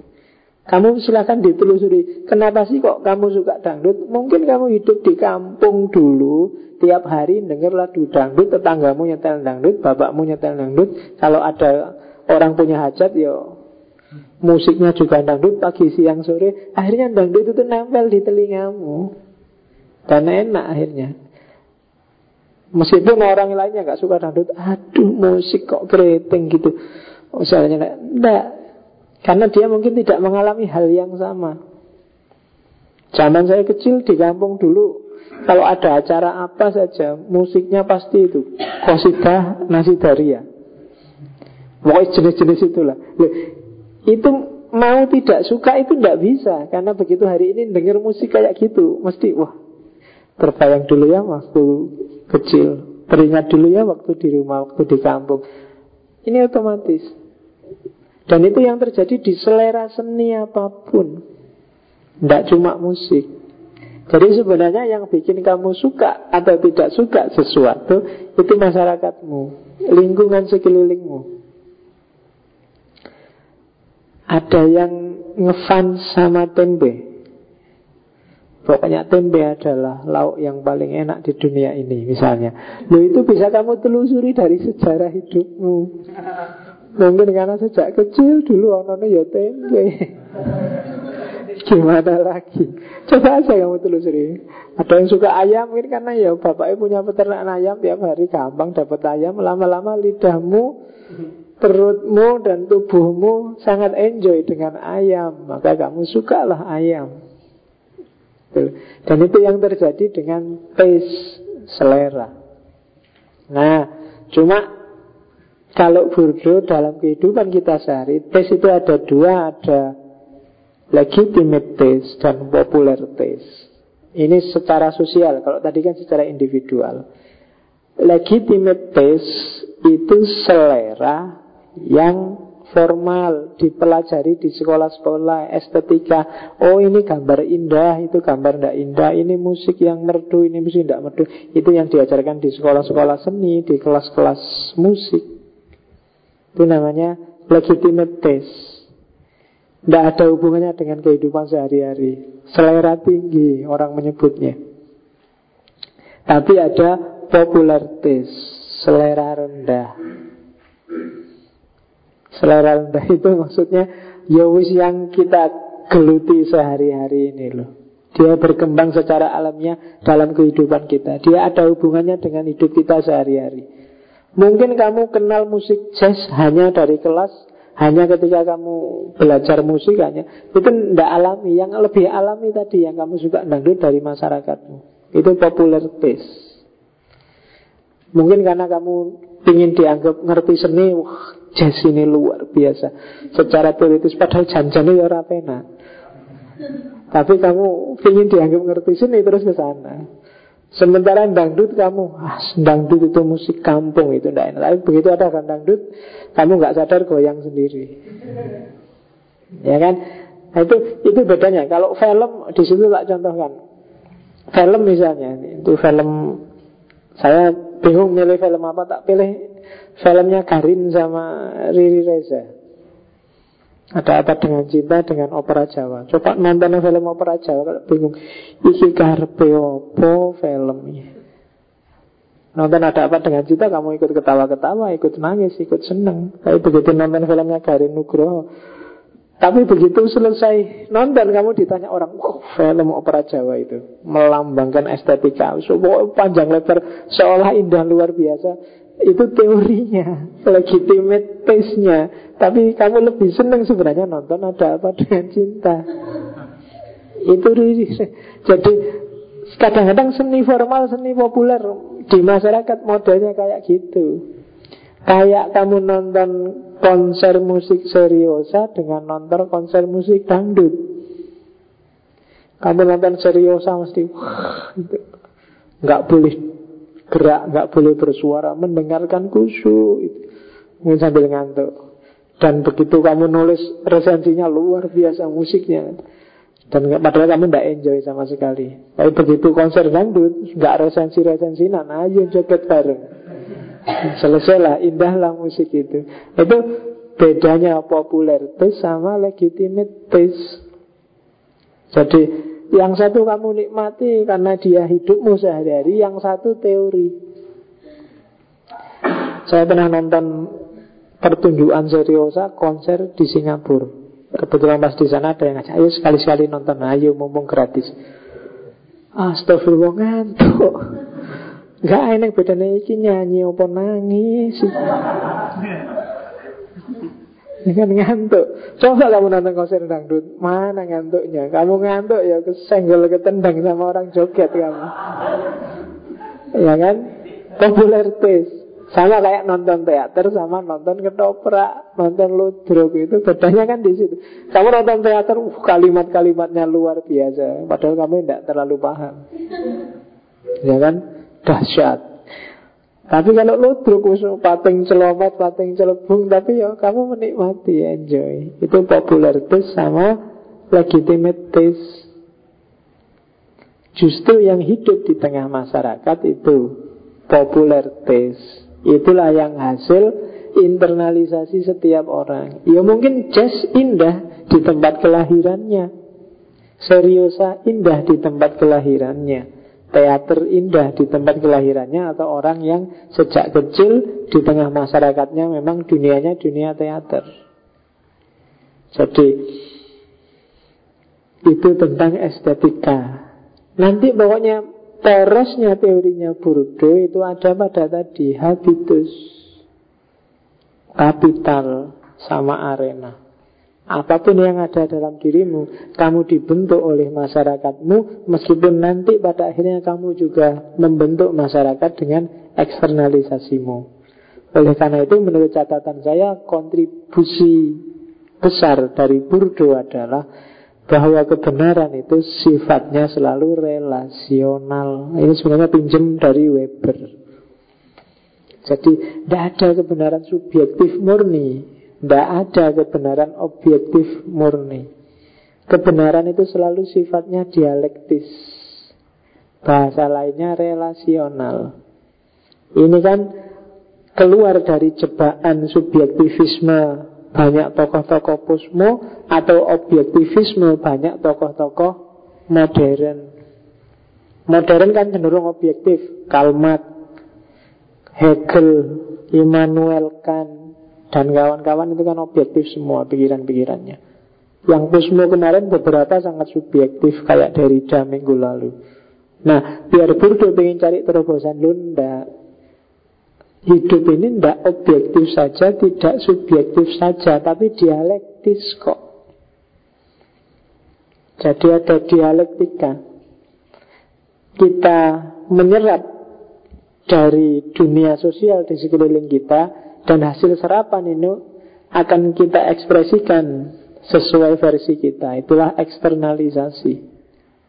Jadi internalisasi eksternal dan eksternalisasi internal. Polanya ya kayak tadi di arena tertentu dengan modal yang kita miliki sesuai dengan habitus yang ada pada diri kita. Dari situ lahir praksis sosial.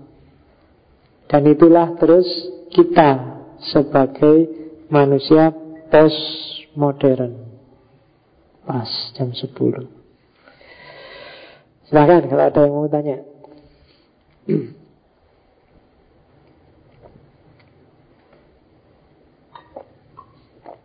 Sini aja biar ada yang tanya sejak kemarin tak lewat itu. Ya.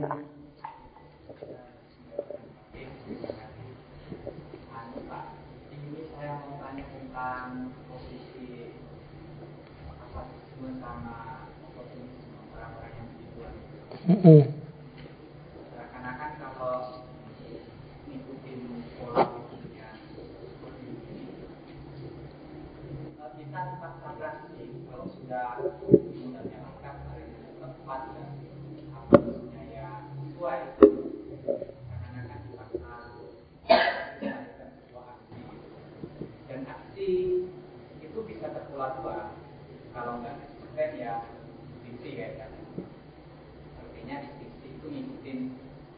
dominasi tadi sumber kekuasaan itu. Atau resistensi itu menolak yang menanamkan nilai-nilai tadi.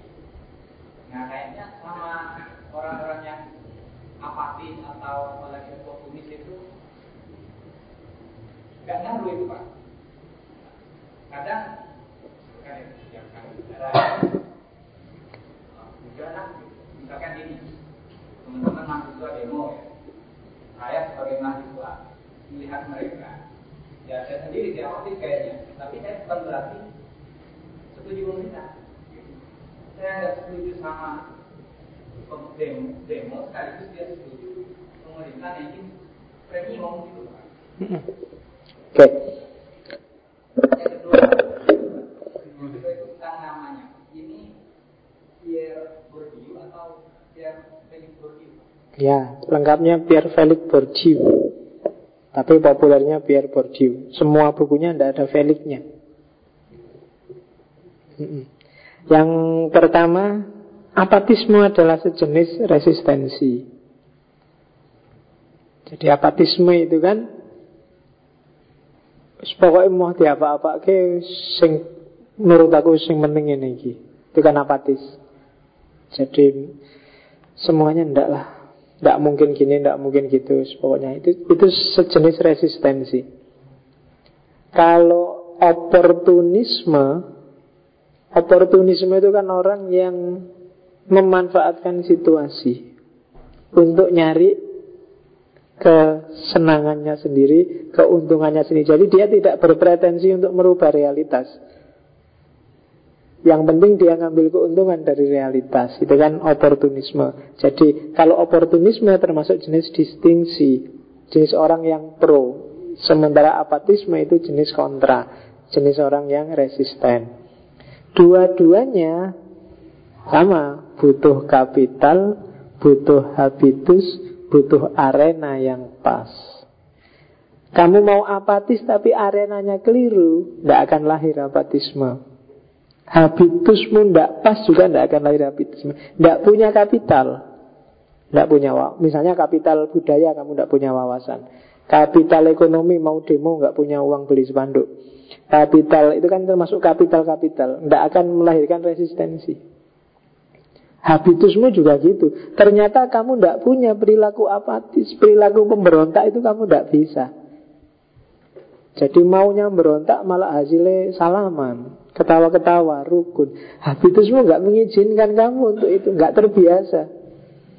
Ada beberapa mahasiswa itu kan Maksain diri untuk bisa demo Padahal bukan jiwanya. Dia nggak punya habitus itu. Itu siksaan luar biasa loh. Ya kan? Sama kayak kamu nggak gaul Maksain diri untuk gaul. Wah, itu kan bukan habitusmu tapi maksa. Akhirnya kan kalau bikin postingan, bikin status itu digaul-gaulkan. Malah jadi wagu. Yang demo juga gitu. Kan ada itu kan beberapa yang demo Kemarin teman-teman yang pakai cadar, pakai jubah itu kan demo Tapi ya tidak biasa Kalau kamu demo kan memang sudah habitusmu Tidak brutal aja sudah kelihatan brutal Sudah darah dagingmu Nah itu berarti habitusmu pas dan kamu punya modal untuk itu, punya modal. Misalnya modal fisik, suaramu luar biasa, bikin orang sebel. Demo kan butuh itu. Terus kemudian punya modal budaya, kemampuanmu orasi. Punya modal sosial, kamu punya relasi banyak, jadi demonya banyak. Ya kan? Gak punya modal sosial juga gak bisa resisten dengan demo kan? Kamu demo, dulu ada saya lihat pas BBM itu ada demo isinya lima orang di depan gedung kepatihan. Loh itu demo lima orang ya, kamu cuma dianggap orang ngamen loh. Cuma lima orang bikin teatrikal lagi. Nah, kenapa? Tidak punya modal sosial berarti. Harus punya demo itu yang banyak modal sosial yang luar biasa. Itu berarti kapital. Dan arenanya juga harus pas. Arena apatisme arena oportunisme itu kan arena arenanya nggak pas pun ya nggak nyambung. Tuh. Jadi itu, Mas. Ada lagi? Alhamdulillah. Saya kira sudah ya. Minggu depan kita lebih ekstrim lagi ketemu yang Brodiat. Kalau Burdo masih mengakui realitas sosial, kalau minggu depan yang Brodiat sama sekali tidak percaya dengan realitas sosial. Karena bagi dia yang berjalan adalah hiper realitas. Oke, ketemu minggu depan insya Allah. Wallahul muwafiq. Wallahu a'lam bisawab. Wassalamualaikum warahmatullahi wabarakatuh.